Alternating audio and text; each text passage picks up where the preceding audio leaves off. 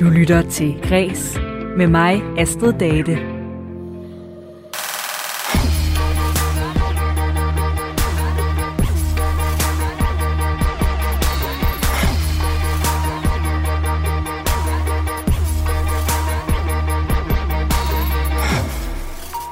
Er du også nysgerrig på, hvem den næste Paprika Sten eller Thomas Helmi er?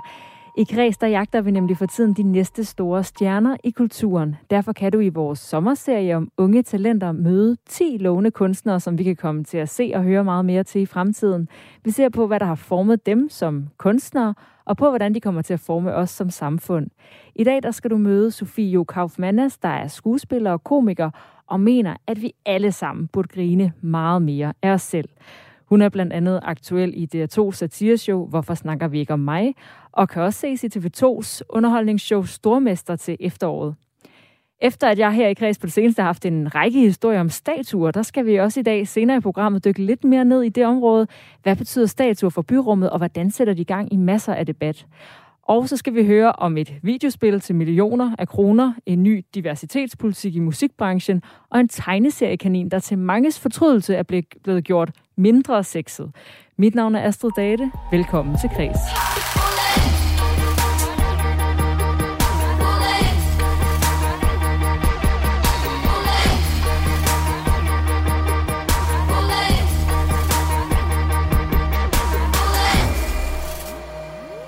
Min kollega Lene Grønborg har talt med dagens unge talent Sofie Jokaf Mannas.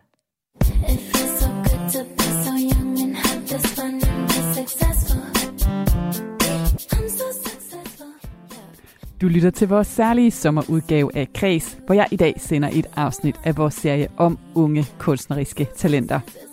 Her på Kreds, der har vi nemlig udvalgt 10 unge talenter, som vi tror på, og som vi regner med at skulle se meget mere til fremover. Men hvad er det, der har formet dem? Og hvordan vil den her unge generation af talenter forme os som samfund? Det prøver jeg at undersøge med serien. Og i dag skal det handle om komiker, skuespiller og instruktør Sofie Jo Kaufmanners på 30 år. Hun har været sjov, sådan cirka altid, og hun var ikke gammel, før hun opdagede, at det talent, det kunne hun altså tjene penge på. Senest der har Sofie sammen med kollegaen Mette Søndergaard været aktuel på DR3 med satireserien Hvorfor snakker vi ikke om mig?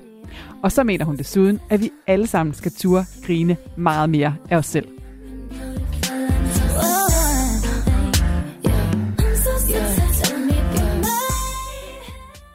Velkommen til dig, Sofie. Tak skal du have. Dejligt, du kunne være her i dag. I den her første del, der skal vi jo se lidt på, hvad det er, der har formet dig. Og hvis vi springer tilbage til din barndom, så er du opvokset i København på Sankt Hans Torv. Du har gået i skole i Hellerup. Og så har du en tvillingebror og en bror. Og dine forældre, de er også kreative. Din mor er operasanger, og din far er musiker. Mm. Men Sofie, jeg kunne egentlig godt tænke os mig at prøve, hvis du vil prøve at tage os med tilbage til dit barndomshjem. Er der så en bestemt scene eller et bestemt sted, som du kan tage os med tilbage til, som siger sådan lidt omkring, hvordan det var hos jer? Øhm, ja, det er der da helt klart. Der er masser af gode. Øhm, jeg boede først der 10 år på Sankt Hans Torv, og så flyttede vi ud til en fantastisk lille provinsby, Bagsvær, hvor at, øhm, min farmor boede. Og så delte vi huset i to, og så boede vi i den ene halvdel, og så boede hun i den anden. Og der har bare altid været run på. Jeg tror, min farmor, hun er også sådan, øh, der er gang i hende og sådan noget, så der har altid været fart på, og fart over feltet, og fest og ballade. Men især sådan nogle familiemorgenmader, morgenmader, kan man sige det? Familiemorgenmader. det kan man godt sige. det, det har været sådan meget... Øhm, øhm, det, det er jo meget tydelige, tydelige minder. Jeg husker altid, der har været, min mor har sunget meget også i kirke, så søndag har altid været hende, der kom hjem fra kirke med morgenbrød, øh, når vi andre var ved at vågne lidt. Og der har bare altid været gang i den til de der morgenmøder, hvor alle gerne vil, vil byde ind, eller sige et eller andet, eller gøre et eller andet. Og din far, han havde sådan et specielt nummer, øh, hvor han også skulle øh, spille, prøve at spille Earth, Wind and Fire. ja. Hvad var det for en gimmick, han kunne? Ja, men, altså, vi har en kæmpe kærlighed til Earth, Wind and Fire. Hvis man ikke kender dem, så er man sindssyg i hovedet. Men det er et fantastisk band, og alle skal kende dem. Men øh, det, min far især elsker ham så meget. Og han havde bare sådan en ting med, at han altid, i, når han skar franskbrød ud, så skar han en Earth, Wind Fire-sang, rytmen til en Earth, Wind Fire-sang, og så var det sådan noget, gæt, gæt hvad det er for en, gæt hvad det er for en. og så sad man der og kæmpede med at prøve at gætte, hvad det var, han i det der skide filonebrød prøvede at spille. Øh, ja, det er et meget klart minde fra barndommen. Det lyder i hvert fald skønt. Hvordan var du selv som barn? Øh, det er jo altid så skørt at svare på selv, fordi når man er, er, altså, man er jo bare midt i det, ligesom man er midt i at være voksen nu. Men jeg tror altid, jeg har elsket det der performance-gen, og jeg har en meget tæt veninde, som også er skuespiller i dag, som vi har altså ustyrligt mange minder fra, hvor vi har sådan tvangsindlagt folk til at se os optræde og tvunget hendes forældre ned i stuen og sådan, se den her sang, se den! Og et af de klareste minder, det er fra en gang i en matematikteam, hvor vi havde lavet en sang om en matematiklærer, og så ville synge den, hvor han var fantastisk sag, det skal I ikke nu. Og så sad vi og kiggede rigtig surt og sådan med arme over kors. Nå, ja, fordi nu har vi matematik, og så må I synge den bagefter. Og så kæmpede vi os igennem hele den der matematiktime, og den så var slut. Og vi snakker altså 5. klasse. Så er det sådan noget. Og så vil pigerne gerne synge en sang. Og så var det helt sådan, yes, næsten kommer her, og så op foran og sådan noget. Så jeg tror, det der performance-gen har nok altid været der, men så har jeg også været fuld af alt det tvivl og angst, der stod for, at det det der, jeg tror, når man er yngre, så er det sjældent, at det bliver sådan en, der har jeg ikke stødt lige så meget på, på som jeg gør som voksen, på, at det er sjovt nok. Når man er yngre, så tager man jo en helvedes masse chancer, og øhm, vi, og, og lærer enormt mange af de chancer også. Altså min veninde og jeg, vi havde sådan noget med at gemme os øh, op ved biblioteket på vores skole. Så var der en lille bænk ude foran. Så gemte vi os ind under den bænk, og når bibliotekaren så kom og løste op, så tog vi armene ud og hæv hende i anklerne, og skreg sådan, Aah! og, hun, og, og så var der bare en dag, hvor hun sagde, det er simpelthen så ubehageligt. Vil I være søde eller være med det? Og mig og min veninde kiggede på hinanden og var nå okay, jamen, den var så ikke så god. Den gik ikke. Men vi, tog, vi tog en chance. Det kunne jo også være, at hun bare havde været sådan, hold kæft, det er sjovt, hiv mig i anklerne igen, gør det igen. så, så, og det tror jeg i hvert fald som barn, så er det mere sådan, det er meget umiddelbart, og går den, så går den, og, og så får man jo nogle gange totalt rap over nælderne, hvis det ikke er sjovt. Og lige så snart, at i hvert fald da jeg blev voksen og begyndte at arbejde lidt mere med det, så bliver det hurtigere, at man støder på, sådan, kan det her noget, og kan det ikke noget, og og, men du har jo egentlig også et talent for flere forskellige ting uh, her i din barndom og ungdom. Uh, du starter med at spille saxofon, mm-hmm. men i gymnasiet, der siger du ligesom, det her det også bliver tydeligt for dig, at du har det bare mega sjovt med at lave teater. Ja. Og jeg synes lige, vi skal høre uh, fra din ven, Jannik Skov, som har kendt dig siden den gang, fordi når han tænker tilbage på gymnasietiden, så beskriver han dig sådan her. Vi er en pige i, uh, i sådan nogle uh, altså stramme øh, med 60 jeans og hvid øh, Nørgaard øh, bluse, øh, som er sådan straight ind fra, øh, fra bagsvær, og samtidig har jeg jo gået i skole op i, i, i Hellerup, og øh, er egentlig sådan helt vildt frem i skoene. Men, men Sofie altså, fortæller hurtigt folk, at hun er her sjov, øh, og viser det også. Altså, hun er bramfri, og hun er hurtig, og hun er super flabet, øh, og har et vildt godt glemt i øjet. Øhm, så det er egentlig sådan, den første sådan, ting med Sofie, og er samtidig sådan en lille smule brullet, hvilket var er, er ret hyggeligt. Det tror jeg er mit første indtryk af Sofie. Hun er sådan grundsjov, øh, og, og er det også i hendes familie. Altså, man kan jo komme ind hjemme hos, hos Sofies familie, og så er der en eller anden random familiemedlem, der råber frys, og så stiller alle sig i en statue og bare ikke laver noget. Indtil der ligesom bliver sagt, åh, værsgo. Øh, så, så den der humor kommer helt klart hjemmefra os. Sofie, hun er sjov i alle situationer. Hun er ikke bange for noget som helst. Hun er den person, der kan gøre mig mest pinlig i hele verden. Øh, og jeg anser mig egentlig også selv som, som, som, som en sjov mand. Men, men, øh, men Sofie, hun, er, hun, hun har ingen skrubler. Altså, hun er på et tidspunkt, øh, der sad og ventede på en på en café, kommet ind. Øh, og så spiller hun en scene op i sit eget hoved, hvor hun kommer ind kaster et glas vand i hovedet på mig og siger, fuck dig, Bo, du har været med utro, og så går hun ud igen, for at lade mig sidde, sådan de der 30 sekunder, hun lige lader mig sidde, øh, og så kommer hun til ind igen og bare krammer mig og siger hej. Øh, og så har, er, det ligesom, er hun ligeglad med, hvad alle andre på den café har tænkt.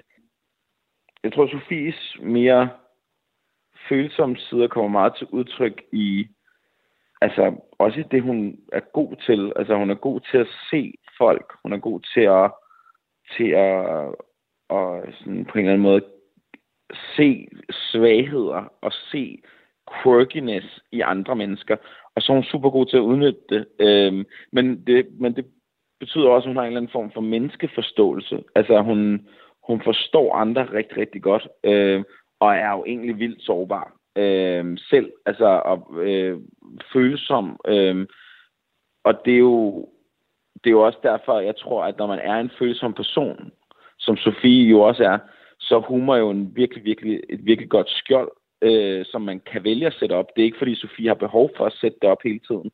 Øh, hun kan også sagtens bare være, nu har jeg paraderne nede, men det er jo noget, man kan til- eller fravælge, og øh, hun er god til at, til at bruge det skjold. Øh, det har hun jo virkelig altså, været altid, altså så lang tid jeg kender hende i hvert fald. Ja, her hørte vi din Nå. ven, Jannik Skov, fortælle, og du sidder og smiler og nikker. Øh, og øh, vi skal lige vende nogle af de ting, han siger, men allerførst så bliver jeg bare nødt til at høre lidt om den der café-tur. Hvordan finder du på sådan noget med at gå ind og kaste vand i hovedet på ham? Jeg ved det ikke. Altså, Jannik og jeg har jo været kærester i tre år i gymnasiet, og så har vi været bedste venner lige siden.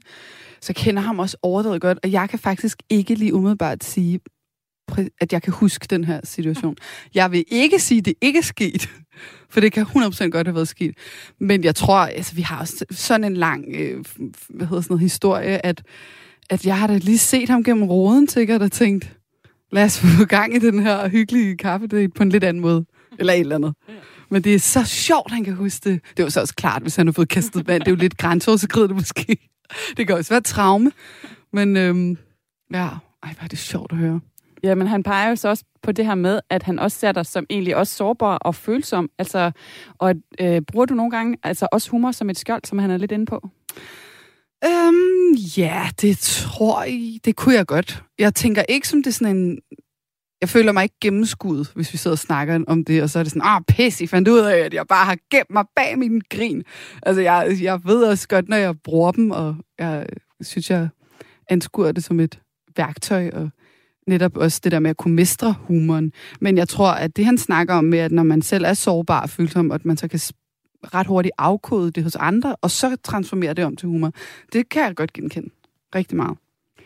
Hvis vi springer lidt videre øh, i den her din rejse mod, hvor du er i dag, øh, så begynder du øh, blandt andet også at arbejde med impro i den gruppe, der hedder Den Lalleglade Brigade, øh, hvor I vinder DMI Impro i flere år, og imens der går du på Akademiet for Musik, Dans og Teater. Du er også ude at rejse, du er på højskole.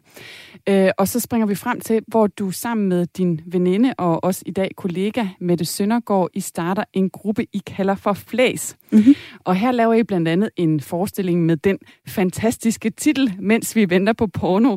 øh, og med den så spiller I altså på sådan forskellige mindre teaterfestivaler for opkommende grupper. Øh, jeg ser blandt andet den her forestilling i Aarhus, kan jeg huske. Og det var altså, som jeg husker, det i hvert fald sådan en forestilling, som alle talte om. Altså for det første, fordi den var mega sjov, og for det andet, fordi åbningsscenen er jeg, der bare sidder i bikini og bare går fuldstændig i gang. Ja. Øh, husker du selv, at I fik så meget opmærksomhed på den her forestilling dengang? Øhm, ja, begge, eller begge dele. Jeg husker i hvert fald, at der var opmærksomhed på den. Jeg tror ikke, jeg ved... Det er, så det er virkelig sjovt at høre dig fortælle det, fordi jeg tror ikke, at at Mette og jeg nødvendigvis er så bevidste om, hvor meget mere opmærksomhed der var på den i forhold til de andre, fordi sådan nogle øh, lidt mindre formater, som de der teaterfestivaler det er altid lidt begrænset, hvor mange der kan sidde, og forestillingerne er ikke så lange og sådan noget. Så det føles sådan, det hele er i lidt mindre formater. Så jeg tror ikke, jeg tænkte over sådan, den her vil alle se. Men jeg kunne godt mærke, at det, som øh, der i hvert fald var super opløftende, var med, at jeg netop havde øh, vi følte, vi lykkedes lidt på en eller anden måde med det, vi så drømte om, øh, at lave egentlig sketchshow på teater, som var sådan, vi startede, og så gjorde vi det bagefter til tv senere. Men, men tanken om det der med, det her det er et sketchshow, det er afregning ved kasse 1, det er bare, griner I eller griner I ikke? Og følelsen af så at komme ind, og så grinte de, Altså, den, den var fantastisk. Jeg havde gjort det et par år før, også med en forestilling, der hed der, En tanke kommer sjældent alene, som jeg spillede i en anden gruppe, der hed Plexus. Også hvor vi var rundt på de der teaterscener, på Kwonka, og på Vildskud og sådan nogle, sådan nogle undergrundsfestivaler, øh, hvor der, responsen på komedien også bare var en til en i teatersalen. Altså, den, den kom bare. Og der kunne jeg godt mærke det der, det begyndte at kilde lidt i røven, som jeg plejer at sige, og være sådan, uh, det, det er sgu meget sjovt det her. At det vil folk gerne det er jo tit den, man afvejer, når man kommer ind på en scene, der vil folk gerne grine. Øhm, så ja, så jeg tror, med og jeg var, øh, vi var først og fremmest meget beæret over det, men så var det også bare vildt, fordi det blev startskuddet til vores lange, lange karriere nu, sammen i hvert fald. Ja, fordi det her det var en omgang i de ting og begivenheder, der ligesom har været med til at forme dig. Fordi lige her om lidt, så skal vi dykke ned i lidt mere ned i dit arbejde, når vi skal tale om den tv-serie, der hedder Hvorfor snakker vi ikke om mig?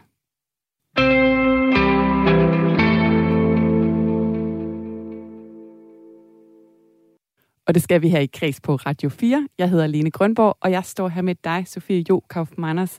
Og du har jo erfaring med alt fra impro-comedy, teater, sketchshow, sang og skuespil. Men i 2020, der er du og Mette Søndergaard, altså hende fra din gruppe Flæs, som vi lige talte om her, I er aktuelle med en ny tv-serie, og den hedder Hvorfor snakker vi ikke om mig? Hvad er det for en serie? Hvorfor snakker vi ikke om mig er et helt gedint sketchshow, som vi skabte på baggrund af vores teaterforestilling, der hed Hvorfor snakker vi ikke om mig? Så opfindsomme var vi. Men øh, en del af materialet for teaterforestillingen kunne transformeres over i på tv, og så øh, var hele tematikken, så den var stadig den, der kildede i maven, og var det, vi havde lyst til at lave. Så de sketches, vi fandt på til sketchshowet, de kom ligesom fra samme tema og samme univers. Og hvad var det for et tema? Jamen, altså, hvorfor snakker vi ikke om mig, er en forestilling, som vi har udviklet på baggrund af... Øhm, på, på baggrund af nogle forskellige sætninger, vi synes var interessante med en, en, en ungdomsgeneration, hvor vi synes, der var nogle tendenser, som vi hæftede os lidt ved i, i hvad hedder sådan noget, opførsel. Vi har altid været meget interesserede i, hvordan opfører folk sig mellem hinanden. Fordi det er jo egentlig nærmest kun det eneste, der er. Det er jo bare, hvordan er folk med hinanden. Og især en, en, en ungdomsgeneration, hvor at, altså nogle sætninger som eller sådan nogle keywords, som, øh, eller os er ikke keyword, og så siger jeg en sætning, det er så dårligt. Men, øh, hvad hedder sådan noget? Øh, med sådan en, øh, skal du dele alt med alle, eller kan det være, at din historie nogle gange er ligegyldig? Altså sådan ja. et, et, et udsagn, eller sådan. Det skabte vi så materiale ud fra. Eller findes man, hvis ikke man har sagt noget i 30 minutter? Primært fordi sådan har jeg det selv. Hvis jeg ikke har sagt noget i 30 minutter, så bliver jeg ikke i tvivl om, jeg findes. Øhm, og, øhm, og også sådan noget øh, som konkurrencen om, den fedeste, om det fedeste liv, som virkelig var øh, i hvert fald til at tage at føle på, hvis man hopper ind på sociale medier. Og de forskellige sådan, udsagn, dem legede vi rigtig meget med på scenen, og, og ligesom sagde med udgangspunkt i det, hvordan kan vi så lave rigtig skønne sketches, man griner af helt indtil man sidder og tænker, af for helvede, den sviger lidt, fordi det minder om mig, eller, og den her tendens mellem os, hvor vi måske holdt op med at høre, hvad hinanden siger, fordi at individets behov altid trumfer fællesskabet, eller sådan en masse af de tanker. Og inden øh, du ligesom laver det her, der har du været skuespiller i Shit Happens, og du har også skrevet et par sæsoner af den ungdomsserie, der hedder Klassen. Så du har, kan man sige, en lille smule foden indenfor, øh, men jeg er også lidt interesseret i at høre, altså hvordan får man lov til at lave det her, altså som jeg ser det i hvert fald ret store næste ryg, altså det her med, at I får jeres helt egen serie på DR3. Hvordan kommer det overhovedet i stand? Altså, man kan sige, det der er nogle gange det fede ved DR, er jo også, at altså, alle kan jo pitche noget til DR, hvis man har lyst. Det kan alle jo gøre. Det er jo manden for gaden. De har jo nogle dage, hvor man kan komme forbi og pitche, hvis, hvis man sidder derude og hører det her program og tænker, det vil jeg fandme også. Så skal man jo vide, det kan man altid gøre. Øhm, fordi at folk vil altid have den gode idé. Og hvis der nu sidder en eller anden mand med tre ben og et øje i hirtals, og han har den, så hvorfor må han så ikke komme ind og pitche, når, bare fordi han ikke lige kender nogen? Så det er altså den fede idé, tror jeg, altid vil vinde håber jeg. Men øhm, Mette og jeg, ja, vi havde så øh, ligesom været i, i branchen både sammen og også hver for sig, og, og havde varmet lidt op under kedlerne, og, øhm, og så så tror jeg, det der lige skete her, var, at øh, en fyr, der er producer på øh, Dog Eye, Christian Wolfing, han kom ind og så forestillingen. Og så sagde han, jeg kunne sagtens se det her blive til et sketch Så Christian var, han, jeg tror, han kender nogen, der kender nogen, og som kendte min kæreste, et eller andet. Og han sagde så, at vi kan godt øh, starte noget op ude på Dog Eye, og se, om man ikke kunne lave det her til noget. Men så har det jo taget lang tid, og det tog jo over et år at få solgt det. Så det må aldrig lyde, som om det bare lige var. Det var helt klart en stor mulighed, men de store ting, eller ting, der virker ret store, de kan jo nogle gange godt være startet meget småt. Nu bliver jeg meget, meget klog og filosofisk. Altså, det skal det jeg, jeg vil ikke noget. gerne citere for det her. Men den der, det kan, nogle gange lyder det bare, det lyder større, end det er, når man lige siger det.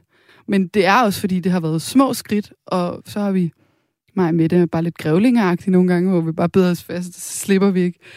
Øhm, sker også, fordi vi er to, så hvis man den ene har lyst til at slippe bidet lidt, og, og være sådan lidt, ah, så er den anden sådan, kør! Og det der pendul der, hvor vi har skubbet til hinanden, det har helt klart fået os videre. Så ja. Jeg synes, at øh, vi skal lige høre en lille bid fra serien, og det er fra en sketch med Instagram-influenceren Alberte My, som er en karakter, som du spiller. Og det, man lige kan sige om hende, det er, at øh, vi kommer ind i en scene, hvor hendes morfar er død, og hun skal til en begravelse. Seriously, I don't know what's going on. Jeg er virkelig ked af det. Um, min morfar er død. Han døde her for et par uger siden. Og um, han skal begraves i dag. Granddaddy, I miss you so much. I miss your laugh. I miss your smell. I miss the sense of your humor.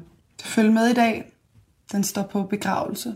Okay guys, det her det er så mit uh, outfit for today. Det er en stor sort kjole, som er rigtig rar at bevæge sig i. Vigtigst af alt, så skal jeg selvfølgelig huske at takke Maushi for et vidunderligt funeral makeup kit. Hvis du sidder derude og øh, kender nogen, der skal til at dø, eller måske er døde, så vil jeg virkelig anbefale jer at hoppe ind på deres hjemmeside og købe deres funeral makeup kit. 2,99 for den store pakke. Ja, det var altså 299 på den store pakke her fra din øh, karakter Alberte My, øh, som vi jo så i den her serie altså så også følger hele vejen igennem til, med, til begravelsen, hvor hun ja. jo så selvfølgelig også opdaterer løbende til sine følgere. Ja. Hvorfor har du lavet en karakter som hende? Hvad er ideen bag det? Altså, Alberte My, hun er direkte stjålet fra øh, det, du sikkert bruger selv også til en to timer om dagen i gennemsnit på Instagram. Jeg ved ikke, jeg har hørt sådan noget med dig, at folk i gennemsnit er online to timer om dagen. Men øh, hun er direkte bare straight out of SoMe. hun er øh, en karakter, som Mette og jeg bare synes passede sindssygt godt ind i det her, hvor at, at sådan, det er jo bare blevet grotesk, hvad man vil dele for at dele noget unikt. Og i drømmen om at, at dele noget unikt, har man glemt øh, hvad hedder sådan noget, øh, pli og skam. Nogle mennesker er det jo som om, de lægger deres skam et eller andet sted, og så glemmer de nogensinde at tage den med sig igen. Øh, og det, og det er jo ikke... Øh, skam er altså sindssygt svært at tale om, fordi så lyder det som om, man gerne vil udskamme, og det, vi, vi ønsker jo ikke at udskamme, men nogle gange er der jo også bare, what's not to do? Øh, i, en situation, i en situation, altså også er den ikke længere. Så mig med det, da vi sad og udviklede på materialet her, så var Alberte My et, en karakter, som bare dukkede op. Øh, det, der er sjovt ved at høre, det er faktisk, at hele sketchet er, er jo improviseret frem. Så vi har som øh, udgangspunkt haft sådan en headline på manus, hvor der stod, hvad handler sketchen om, eller hvad, hvad hedder sketchen? Den her har bare heddet Influenceren Alberte My skal til begravelse. Og så er der en, der hedder Influenceren Alberte My for at besøge sin kæreste. Eller Influenceren Alberte Mys far er ved at dø. Øhm, og så har, har vi jo så instrueret hinanden, mig med det på sæt, når vi har lavet sketchesne, og så er det improviseret. Så det er, det er jo altid sjovt at høre, fordi replikkerne kan jeg egentlig ikke særlig godt, fordi de jo Øh, det er kun lige er blevet sagt der, og så har vi bagefter siddet i klippen, og så har man ikke tænkt så meget over det. Nogle gange, hvis man har øh, manus på det hele, så har man også ordet sine replikker længe, og man ved præcis, hvordan man vil lægge dem tonalt. Eller... Og her, der følte vi bare, at det her levede så meget i det mundlort, der kommer ud. Så det var nærmest sådan, altså skabt til, til, i hvert fald til improen, hvor man tit får sagt, en masse lort, ikke? Ja, og apropos øh, mundlort, altså så har I også øh, flere dialoger, som er sådan lidt øh, passiv-aggressiv. Øh, showet her består jo af, af mange forskellige sketches, hvor jeg synes, man især møder kvinder fra deres øh, værste sider. Der er blandt andet øh, sådan en øh, genial di- dialog mellem to kvinder, som sådan bare bliver ved og ved og ved med at tale hinanden ned, og det bliver sådan mere og mere passiv-aggressivt. Er det også sådan et typisk kvindetræk, I ligesom vil, vil, vil udstille eller fremstille her? Altså, det som der er specielt, når man laver det her sketch show, det kan også være, det, det bliver lidt en afstikker, men det er jo, at øh, når vi... Vi havde et stort ønske om, at det her sketch show ikke skulle handle om, det var to kvinder, der havde lavet et sketch show. Fordi det er tit sådan, at i hvert fald medierne godt kan lide at brande det, fordi at sjove kvinder stadig er en mangelvare i 2021. Man skulle ikke tro det, men det er det. Og derfor så er det selvfølgelig også tit sådan, man godt kan lide at vinkle den, og I kvinder. Og, og det var det første krav for mig med det side. Det her det er bare et sketch jo, og det er ikke noget med kvinder og kvinder. Men nu er vi engang kvinder. Så det her er ikke et forsøg på at øh, udstille nogen, eller øh, slå ned på nogen. Det her er et forsøg på bare at fremstille det, vi ved noget om, og så bliver det så kvinder. Øhm, og jo, vi har, jeg har tit oplevet den der passiv-aggressiv, hvor der lige bliver lagt en lille sviner lynhurtigt. For eksempel sådan noget, synes jeg også, man kan lægge mærke til, øhm, hvis nogen siger, har du fået nye sko? Og så siger den anden, ja. ja.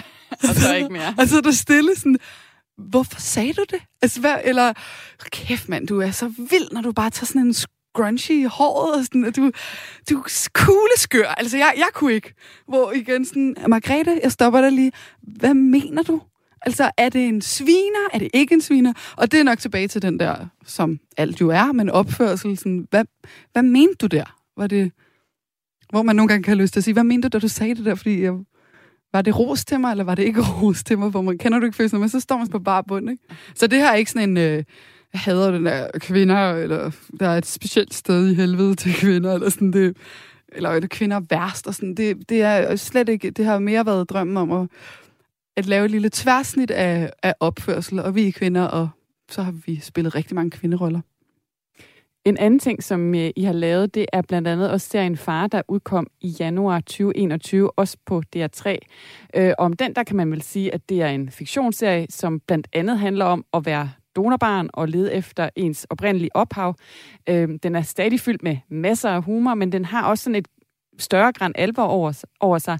Er det sådan en bevægelse for jer mod noget mere alvorligt? Øhm, det er et godt spørgsmål. Jeg tror, det er ikke overhovedet en bevidst bevægelse om, at nu har vi lavet comedy, så er vi noget andet. Vi føler os stadig, eller jeg gør, jeg kan jo ikke snakke på middagsvejen, men jeg føler mig stadig grøn på en masse områder, og, og håber og drømmer om, at jeg kan lave det her resten af mit liv. Så det har ikke været en, for mit vedkommende i hvert fald, en aktiv tanke om, nu skal vi noget andet. Men i og med, at det er en fiktionsserie, og vi i forvejen bruger meget det tragikomiske i at udstille noget lidt genkendeligt, som man næsten kan holde op med at grine af, fordi det er meget tæt på virkeligheden ofte. Albert My har jo også, hvis jeg bare skal sige indskudt hurtigt, Albert My-karakteren skabte jo også øh, stor drama og lavede en forside på Ekstrabladet, fordi at en af sketchesne, der er hendes far ved at dø af kraft, og så laver hun en AMA, hvor hun siger, hvad for noget musik hører man så, når man har kraft, og hvordan fik du det? Og sådan laver sådan en, hvor hun spørger ham ind Øh, hvor den, nu udkom den så også lige under knæk cancerperioden, som måske var et rigtig dårligt tidspunkt. Eller måske godt, hun knows, men den udkom i hvert fald der, den sketch. Øh, men den var et den var et meget tydeligt eksempel på, at i hvert fald den satte gang i noget røre inde på, på Facebook, hvor folk var super, øh, super, super skuffet og overrasket over, at man kunne finde på at lave en sketch, hvor man tog pis på kraft, som jo virkelig var øhm, et, et, en, en ærgerlig, eller i hvert fald en, den overraskede os meget, at folk netop ikke så, hvad det var, der blev taget pis på her. Og der kan man jo altid som satiriker og komiker, det vigtigste er, at man lige kigger på sit materiale og tænker, skulle vi har gjort noget andet, men jeg vil stadig mene, at, øhm, at den virkelig pegede på netop, at nu bliver ting som kraft delt, fordi der ikke er nogen grænser mere. Og så er der en, der laver en AMA, og så er det komedie. Det kan mis, hvis det kan misforstås, så bliver det det. Sådan er det altid med komik. Men så skal komik også kunne, kunne pege på nogle af de ting, som gør lidt ondt. Så jeg tror, med serien, der var, vi, kom all, vi kommer allerede fra den verden, hvor vi har det alvorlige i det. Når vi peger på noget, så griner vi os hen til forståelsen. Og med serien, der, der gav det mening for os at lave dramedy, som genren så fint hedder.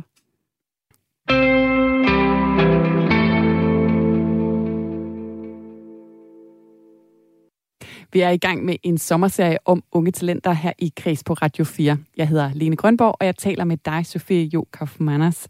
Og vi har talt lidt om, hvad der har formet dig, men vi skal også se på, hvordan du måske kommer til at forme eller påvirke os, der er med på en kigger. Hvad håber du at kunne give publikum? Mm, en masse god grin. Lidt ondt i maven. Nej, jeg, jeg håber, at jeg kan blive ved med at få lov til at øh, leve af at underholde og få folk til at øh, overveje dem selv med, et, med en ironisk tilgang, når man øh, ser forhåbentlig noget af det, jeg laver. Især fordi, at nu er jeg så heldig, at jeg i, i mange år øh, fundet på selv med min søde, dejlige kollega Mette. Så det er jo været det, der kom fra hjertet. Og så, hvis man har roller i andre ting, så er det nogle gange nogle andres visioner. Og der, der håber jeg da selvfølgelig, at mm, ja, skaber noget god kunst. Men, øhm, men jeg håber helt klart, at folk kan blive i hvert fald i de produkter, jeg laver, som også jeg laver med Mette, at man kan få... Øh, blive ved med at have lyst til at grine af sig selv i de her øhm, nogle gange lidt tragikomiske situationer, som man kan ende i som menneske. Og du øh, skriver jo selv, og du spiller også selv. I har også selv instrueret. Altså, hvordan kommer du til at turnere det fremover, tænker du? Jeg håber rigtig meget at kunne fordele det sådan... Øh, jeg har ikke puttet procenter på. Jeg kan regne ud, at det er 33 på hver, hvis jeg skulle lige... Det er noget hurtigt matematik, jeg lige har lært. Det er noget, du kan. Ja, det kan jeg bare. Jeg tager bare lige 100, og så splitter den. Men, øh, men jeg, kan, jeg håber rigtig meget at kunne fordele det. Der er jo... Øh, det er jo en lang proces, hvis man kan få, være så heldig at kunne få lov til at, at leve det her. Så er der forhåbentlig mange år endnu. Øh, jeg synes, det er sindssygt spændende at skrive, og skrive et værk, som man så bagefter instruerer. Især også, nu havde vi også andre skuespillere i serien, hvor at man ligesom, lige så snart de siger de ord højt, man har haft ind i hovedet, så det der med, hvordan får jeg dig, sådan lidt folkeskolelæreragtigt, hvordan får jeg dig til at lære det, som jeg vil have det? Eller, ja, hvordan får jeg dig til at lære det, jeg gerne vil have? Øhm, og så er det bare en fantastisk oplevelse også nogle gange, netop nogle gange stå med nogle andres værk, og være sådan, jeg skal fortolke præcis det, som de har bedt om, og også så fuldføre det og så spille sit eget, især fordi jeg, mit hjerte banker og brænder for impro øh, stadigvæk også, og lave et helt sketch med Mette, som bare improviserede, improviseret. Det er jo bare fantastisk. Her i den her sidste del af interviewet, der skal vi også lige høre fra en, som har fulgt din udvikling og set dig sådan lidt udefra. Øh, hun hedder Ane Kirk Urenholdt, og hun er i dag dramaunderviser, og hun sad dengang i en stilling som vækstlagsteaterkonsulent, hvor hun arbejdede med at både udvikle og spotte talent. Lad os lige prøve at høre, hvad hun siger om den måde, hun ser din udvikling på. Sofie og, og hendes makker Mette, de var enormt dygtige og sjove, og havde lavet sådan en meget helstøbt forestilling, som kunne rigtig meget, men de henvendte sig også enormt bredt. Noget af det, jeg kan huske, som, som jeg sådan tilbage i, jeg har lyst til at sige sådan 15-16 stykker, spurgte hende om, hvad er det, I vil med den her forestilling? Det var øh, specifikt på, hvad, mens vi venter på porno. Der har jeg lige lyst til bare at sige, at på det tidspunkt, der var der rigtig mange i vækstlaget, som gerne ville lave stor kunst. Man ville gerne sige enormt meget om den menneskelige tilstand. Og jeg kan huske, at jeg spurgte Sofie, hvad er det, du vil? Og hun sagde, jeg vil egentlig bare gerne have folk til at grine. Jeg vil egentlig bare have, at folk de skal synes, det her det er skide sjovt. Og det var en dejlig, befriende måde at anskue det på. Og det, jeg så synes egentlig er påfaldende, det er, at hun så via sin satire alligevel netop belyser den menneskelige selvstand og siger enormt meget om vores samfund. Så hun gør alle de der ting, som, som mange, øh, dengang i vækstlaget i hvert fald, sådan virkelig hivede efter at gøre, håber, og at hun får mulighed for faktisk at vise, øh, hvor bredt hun fagner så hun ikke øh, så hun, så hun ikke ryger ned, bliver stemplet som, som bare hende der øh, sjov kvinde, som, øh, som gør én ting, men, men at hun med de her ting, som hun skal til at videre ind i, øh, virkelig kan, kan vise os, hvor bredt hun fagner, for kan få en rigtig stor karriere inden for det her. Sagde altså her Anne, Anne Kirk Urenholdt, dramaunderviser og tidligere vækstlægsteaterkonsulent. Kan du genkende hendes beskrivelse af det her med, at du egentlig bare gerne vil have folk til at grine? Ja, er du sindssyg. Også fordi hun har mødt sådan 25 år i Sofie, der var sådan, jeg vil bare gerne have folk til at grine. Det var også det første, jeg sagde for sjov. Jeg håber, jeg kan få folk til at grine. Men det er det jo også. Og så er det helt vidunderligt at høre hende sige, at, at man stadig øh, med den vision også stadig så får et indblik i den menneskelige tilstand. Eller, så jeg kan ikke huske, hvad hun sagde. Noget rigtig noget klogt. meget klogt, ja. Det var noget sindssygt klogt, som jeg aldrig vil kunne genkende. eller kende, hvad hedder det? Ja. Men øh, hun er i hvert fald, øh, det var, det var virkelig, det er sindssygt, og du har de her indslag med, det er virkelig sjovt at høre. Virkelig specielt. Hun peger også på det her med, at hun synes, du fagner bredt, og det håber hun, at du får lov til at vise. Hvad mm. tænker du om det? Øh, jamen det er jo, altså, det er jo helt vildt. Det er jo en kæmpe ros og virkelig dejligt. Altså jeg, det, det, det, det er jo det er nok bare den danske jantelov, det er altid svært at sige. Jeg synes jo, at Ane har ret, fordi jeg fagner jo ret bredt. Det siger du ikke nogen, der siger, Fortsæt lige for mig, der lige sagde det så. Men det er jo altid fantastisk, hvis andre gør det. Jeg har også haft en gennemgående rolle i, i serien 29, som Julia Jesper har lavet, øhm, og jeg var har med de sidste fire sæsoner som Pia, som er en rigtig, rigtig skør karakter, der er kæreste, eller øh, gift måske, kæreste med Karsten, og de er sådan nogle typer, der kan finde på at sige, så er der chips med dinosaur cream and onion, og sådan, hvor de virkelig, det er humoren, ikke? Øh, fordi Julia Jesper også har skrevet nogle skide, skide gode manuser, og så lader de mig og Christoffer Prisom, som Sula Karsten, improvisere. Men der øh, var der en scene i hvert fald, I rigtig sikker på, det er den sidste sæson, hvor at man finder ud af, at piger ikke kan få børn. Så der var en ret meget, meget smuk øh, øh strandscene, de havde skrevet, hvor vi sad rundt om et bål, og alle ligesom betroede sig nogle forskellige ting, og det havde været en hæftig dag, og så, til, så fortalte piger så, at hun ikke kunne få børn, og det var derfor, de var lidt kede af det. Og he, at, at stå med sådan en gennemgående skør karakter, men også, at der er plads til de scener, det er helt klart en kæmpe gave til Julia Jesper for at skrive et manus, der havde det, men også øh, en fed opgave som skuespiller, når man laver comedy, fordi at at tragedien og komedien tit bare ligger lige på hver sin side af, af skillelinjen, og faktisk er meget i familie med hinanden. Ikke? Så, det, så, det, ja. så det er jeg rigtig glad for, at Ane siger også. Og kigger vi lidt fremad, øh, så en af de sjove ting, du skal være med i, øh, det er Stormester på TV2 i efteråret. Og det er jo sådan et koncept, hvor fem deltagere med Lasse Remmer som vært, de skal udføre forskellige opgaver, og også gerne på en sådan lidt sjov og skæv måde. Og her deltager du som privatperson. Ja. Hvordan bliver det for dig, tror du? Øhm, jamen, det bliver spændende. Nu har vi filmet noget af det, og så skal vi filme resten til september. Og, og så, man kan jo godt mærke, at det er sådan, den gamle cirkushest går bare i gang, når man så kommer ind foran kameraen, fordi der er jo ikke nogen mennesker, der bare er sig selv. Jo, måske Buddha, men ellers er der jo ikke nogen, der sådan, jeg er én version. Altså, man er jo alle mulige versioner. Det var også klogt sagt, det, det skal I også citere mig for. Det tager vi også til citat. Det må I gerne lægge op nogle steder på SoMe. Det er ret fedt sagt. Men der, der er jo ikke nogen, der er...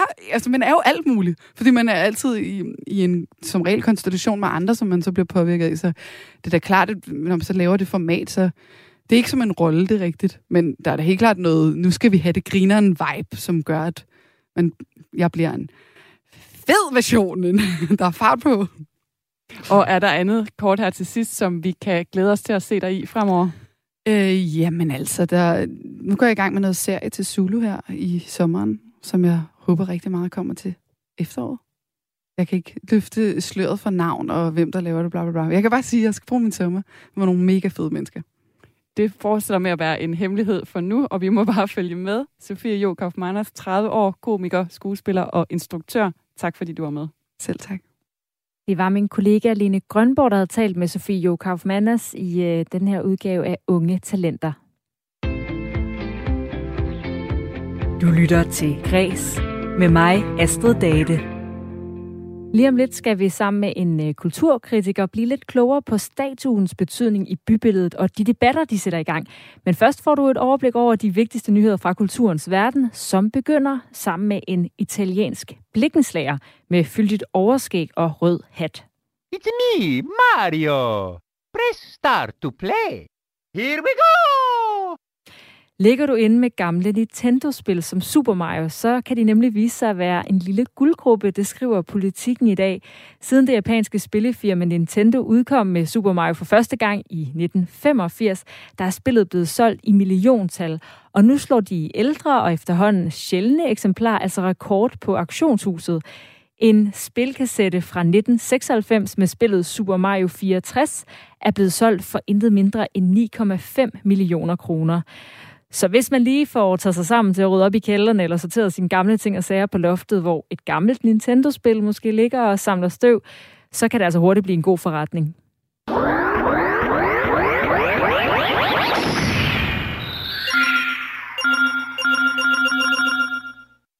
Kvinder skal tjene lige så meget som mænd, mens unge minoritetsgrupper aktivt skal engageres. Det er nogle af de målsætninger, som musikbranchen har sat for sig selv i løbet af året. Tilbage i marts på kvindernes øh, internationale kampdag, der skrev fem musikorganisationer under på 10 mål for ligestilling i musikbranchen, som de vil nå inden 2030. Og nu har også Dansk Musikerforbund vedtaget et nyt manifest med deres diversitetspolitik, det skriver kulturmediet Kulturmonitor. Her er der punkter om, at de for eksempel gerne vil samarbejde aktivt med andre organisationer i branchen omkring diversitet og ligestilling, og at de skal arbejde aktivt for lige løn, lige muligheder og en bred repræsentation i musikbranchen og fra nogen, der prøver at følge med tidens nye standarder, til nogen, der helst vil beholde nogle af de gamle. Der er nemlig stor fortrydelse over en tegneseriekanin, der er blevet gjort mindre sexet. Everybody get up, it's time to slam now. We got the real jam going down. Welcome to the Space Jam. Space jam. Here's your chance, do your dance at the Space Jam. Alright. All right. Altså, jeg var selv som barn ret vild med den amerikanske film Space Jam fra 1996, hvor øh, basketballspiller Michael Jordan i en øh, blanding af rigtige optagelser og tegnefilm hjælper Snor Snup og andre Looney Tunes-figurer med at vinde en øh, basketballkamp mod nogle rumvæsener. Og nu, 25 år efter, der er der en opfølger lige om hjørnet, Space Jam 2. Welcome to the Space Jam. I'm going old school on his butt.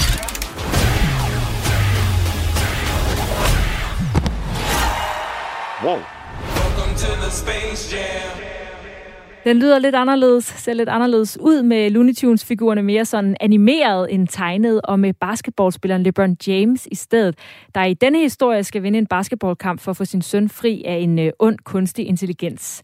Men noget, der i uh, følge netmediet Soundvenue har skabt overraskende røre, er den kvindelige tegneseriekanin Lola Bunny, der i opfølgeren har fået mindre bryster og sin øh, crop top bluse skiftet ud med en længere t-shirt. Og Space Jams fans, de synes altså ikke, at der er noget problem i øh, seksualisering af tegneseriekaniner og er sure over den her ændring.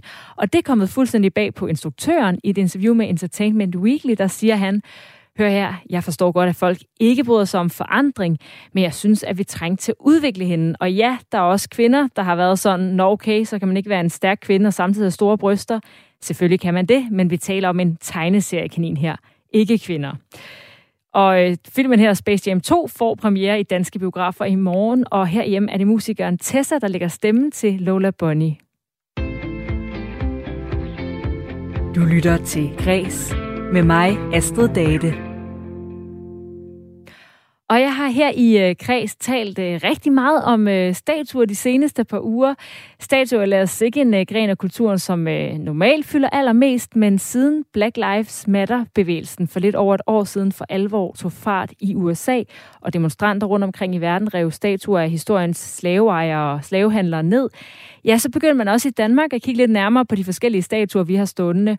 For de her Black Lives Matter-demonstranter, de så statuerne som symboler på den racisme, som stadig findes rigtig mange steder i samfundet. Og her er pointen, at vi har rigtig mange statuer stående af folk, som i takt med, at årene er gået, er endt lidt på den forkerte side af historien.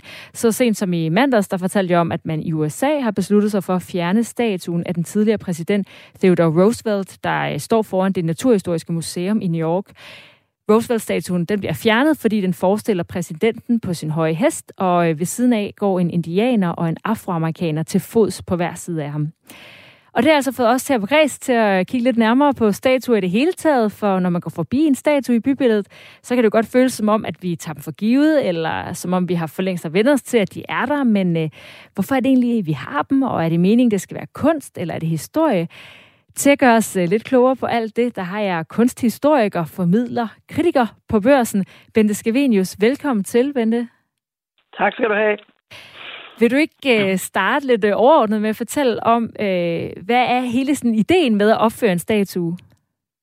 Hele ideen med at opføre, opføre en statue er jo selvfølgelig, at man gerne vil markere ikke alene øh, den kunstner, som har udført statuen, men også øh, både en tid, en ånd og selvfølgelig også en person. Ikke altid en person, ikke nødvendigvis. Det kan lige så godt være tidsånden eller en begivenhed, øh, men i hvert fald markerer det et eller andet i samfundet, som vi er fælles om. Så det er en markering også af, af nogle værdier, som den person står for, man hylder? Netop, netop, fordi meget ofte så hænger det jo sammen, at grunden til, at man hylder en person, det er, fordi han har nogle værdier, som man mener øh, er værd at hylde. Og det er jo klart, at det skifter jo. Hvad der er værd at hylde øh, i dag, er jo ikke altid noget, der var værd at hylde i går, og noget, der vil være værd at hylde i, i morgen. Altså, det skifter jo hele tiden. Samfundet skifter. Synet på kunsten skifter. Synet på øh, kunsthistorien øh, skifter. Så Øh, så på den måde, der øh, vil der hele tiden være nye øjne på kunsten, og dermed også på statuen i det offentlige rum. Og man kan sige, at det er intention med det. Hvilken funktion eller effekt har de her statuer, som øh, altså ikke står på museerne, men i bybilledet øh, her på redaktionen, der har vi talt om, at man kan også godt komme til at overse de forskellige statuer og skulpturer, vi har stående omkring i Aarhus for eksempel. Altså man kommer til ligesom at tage dem for givet måske i virkeligheden. Men hvad er det for en funktion, de har for os? Altså selvfølgelig kan man komme til at overse dem, fordi man går jo bevidstløst rundt i gadebilledet, og hvis statuerne har stået der i hele ens leve, øh, levende liv, øh, så kan man måske godt få et temmelig bevidstløst syn på dem. Men når det er sagt, så er statuerne jo opført for øh, i det offentlige rum, fordi når man passerer det, skulle man gerne enten tænke på personen eller tænke på den begivenhed, der er årsag til, at statuen står der. Det er jo selvfølgelig hovedformålet. Hovedformålet er jo ikke, at vi skal gå bevidstløst forbi. Øh, men det gør man jo mange gange, det øjeblik noget bliver dagligdag. Og kan man definere statuer i forhold til, om de er historiske monumenter eller er kunstværker? Altså er der en, en forskel der?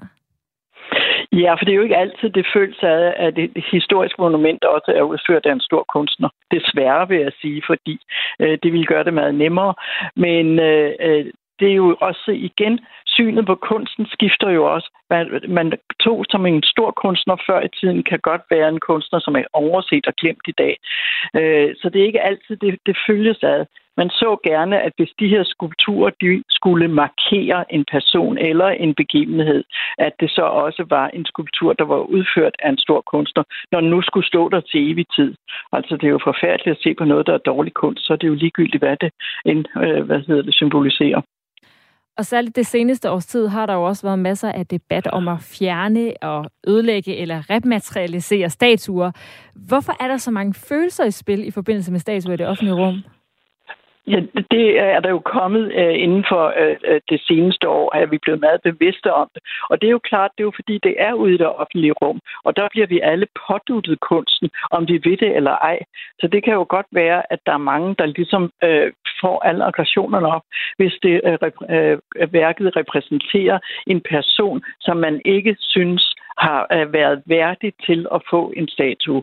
Og det er igen også øh, nogen, der har været værdige til at få en statue for 200 år siden, er, øh, er måske ikke værdige i dag set med vores tidsøjne. Så altså på den måde kan det skabe øh, reaktioner. Og jeg glemmer aldrig for eksempel, øh, da man så øh, Saddam Husseins øh, statue, da den blev væltet, der tænkte man også, det her det er magt og afmagt på en gang. Pludselig den her magtfulde statue, som folk har gået rundt om i stor, stor erbydighed, og pludselig den afmagt, den repræsenterede, da den blev hivet ned. Det var dybt interessant, hvordan den samme skulptur faktisk kan ændre udtryk i løbet af, af kort tid. Så selvom man måske har gamle statuer stående, så har det også en symbolværdi, at man lader dem stå det er jo klart, fordi øh, vi skal jo på en eller anden måde også være vedkende os vores historie, om man kan lide den eller ej. Og øh, i dag der er man måske øh, blevet bevidst om, øh, helt i forbindelse med øh, både øh øh, øh, øh, hvad hedder den, den ene og den anden begivenhed, at øh, man måske skal revurdere vores syn på kunsthistorien. Men derfor behøver vi jo ikke at hive statuerne ned, fordi måske i overmorgen, øh, så har vi revurderet kunsthistorien til fordel for statuerne. Så på den måde, den er en del af vores historie, og den historie bliver vi nødt til at vedkende os på godt og ondt. I forhold til det med at øh, gå hvileløst rundt i gaden og måske kende sin historie, så øh, hvad synes du så som øh, kunstkender formidler om øh, den idé, man også vender i Folketinget om ikke at fjerne statuerne, men at opføre små skilte i nærheden af dem, så man kan læse lidt mere om, hvem de er? Men det synes jeg faktisk er en glimrende idé. Jeg tror ikke, folk læser dem, altså øh, hvis de er øh, travlt i, i dagligdagen. Men det kan jo godt være pludselig en søndag formiddag, så der, har de ikke noget at lave. Og så tænker de, kan vide, hvad der står på den øh, lille seddel eller den øh, lille øh, messingplade. Og så synes jeg, det er udmærket, at de får at vide, at den og den person øh, har udført de og de gerninger i den og den periode. Og øh, det blev han hyldet for, og det er måske noget, som man ikke vil hylde ham for i dag, men det gjorde man dengang set med samtidens øjne. Og det synes jeg er, øh, det synes jeg faktisk er en udmærket formidling og oplysning. Det kan jeg kun gå ind for. Men hvis man ikke læser det, kan man så godt hvad kan man sige, øh, afmontere øh, tidligere konger og magthavers ugerninger med et skilt, altså i forhold til, at de så stadig står der som en hyldest? Nej, altså jeg vil sige, at så får man måske en indsigt i personen, som øh, måske også gør, at man får et mere nuanceret indtryk af personen. Øh, det behøver jo ikke kun at være øh, øh en, hvad skal man sige, øh, altså det kan jo både være til personens fordel, og selvfølgelig også til hans ulempe, men det kan også være til personens fordel. Altså, øh, der behøver jo ikke kun at stå negative ting på de der skilte. Kan man også omvendt argumentere for, at det også kan være øh, godt for et samfund at blive mindet om i by, bybilledet, hvordan det har været? Altså øh, det her med at kende ens historie og blive mindet om øh, for eksempel mindesmærker for holocaust, altså så vi ikke gentager en, øh, en dårlig historie. Jamen, det kan vi da, øh, det kan vi da øh, roligt blive enige om. Det ved jeg næsten tro, der ikke er to meninger om. Men, øh, og det er klart, at Holocaust-monumentet i Berlin, det er gribende øh, de gange, jeg har gået der. Jeg har været dybt berørt af det, og øh, hvis det stod til mig, øh, så skulle sådan en ugerning aldrig, aldrig gentage sig. Og det er jo klart, at den følelse, den bliver, hvad skal man sige, fornyet i mig, når jeg går øh, i øh, en øh, sådan en sammenhæng med sådan et monument. Og på den måde kan øh, de her skulpturer og de her statuer jo minde os om øh, vores historie, og den er på godt og ondt. Altså det kan vi da roligt blive enige om, øh, men det, vi kan ikke udslette den, for det er en del af vores egen identitet også. Og i New York, der har man jo så for nylig flyttet den her statue af Theodore Roosevelt ja, øh, ja, på hest ja. med indianerne og afro- afroamerikanere til fods ind på et museum øh, om hans præsidentembede, altså væk fra bybilledet. Hvilken ja. forskel er der på de to rum? Altså, det går fra at være et, øh, en, ja, en statue i, på gaden til nærmest at blive noget kunst eller kunsthistorisk øh, på en måde på et museum. Nu er den jo kommet ind på det museum, øh, der er et monument for, for hans præ- præsidentperiode, så det behøver ikke nødvendigvis at være den store kunst.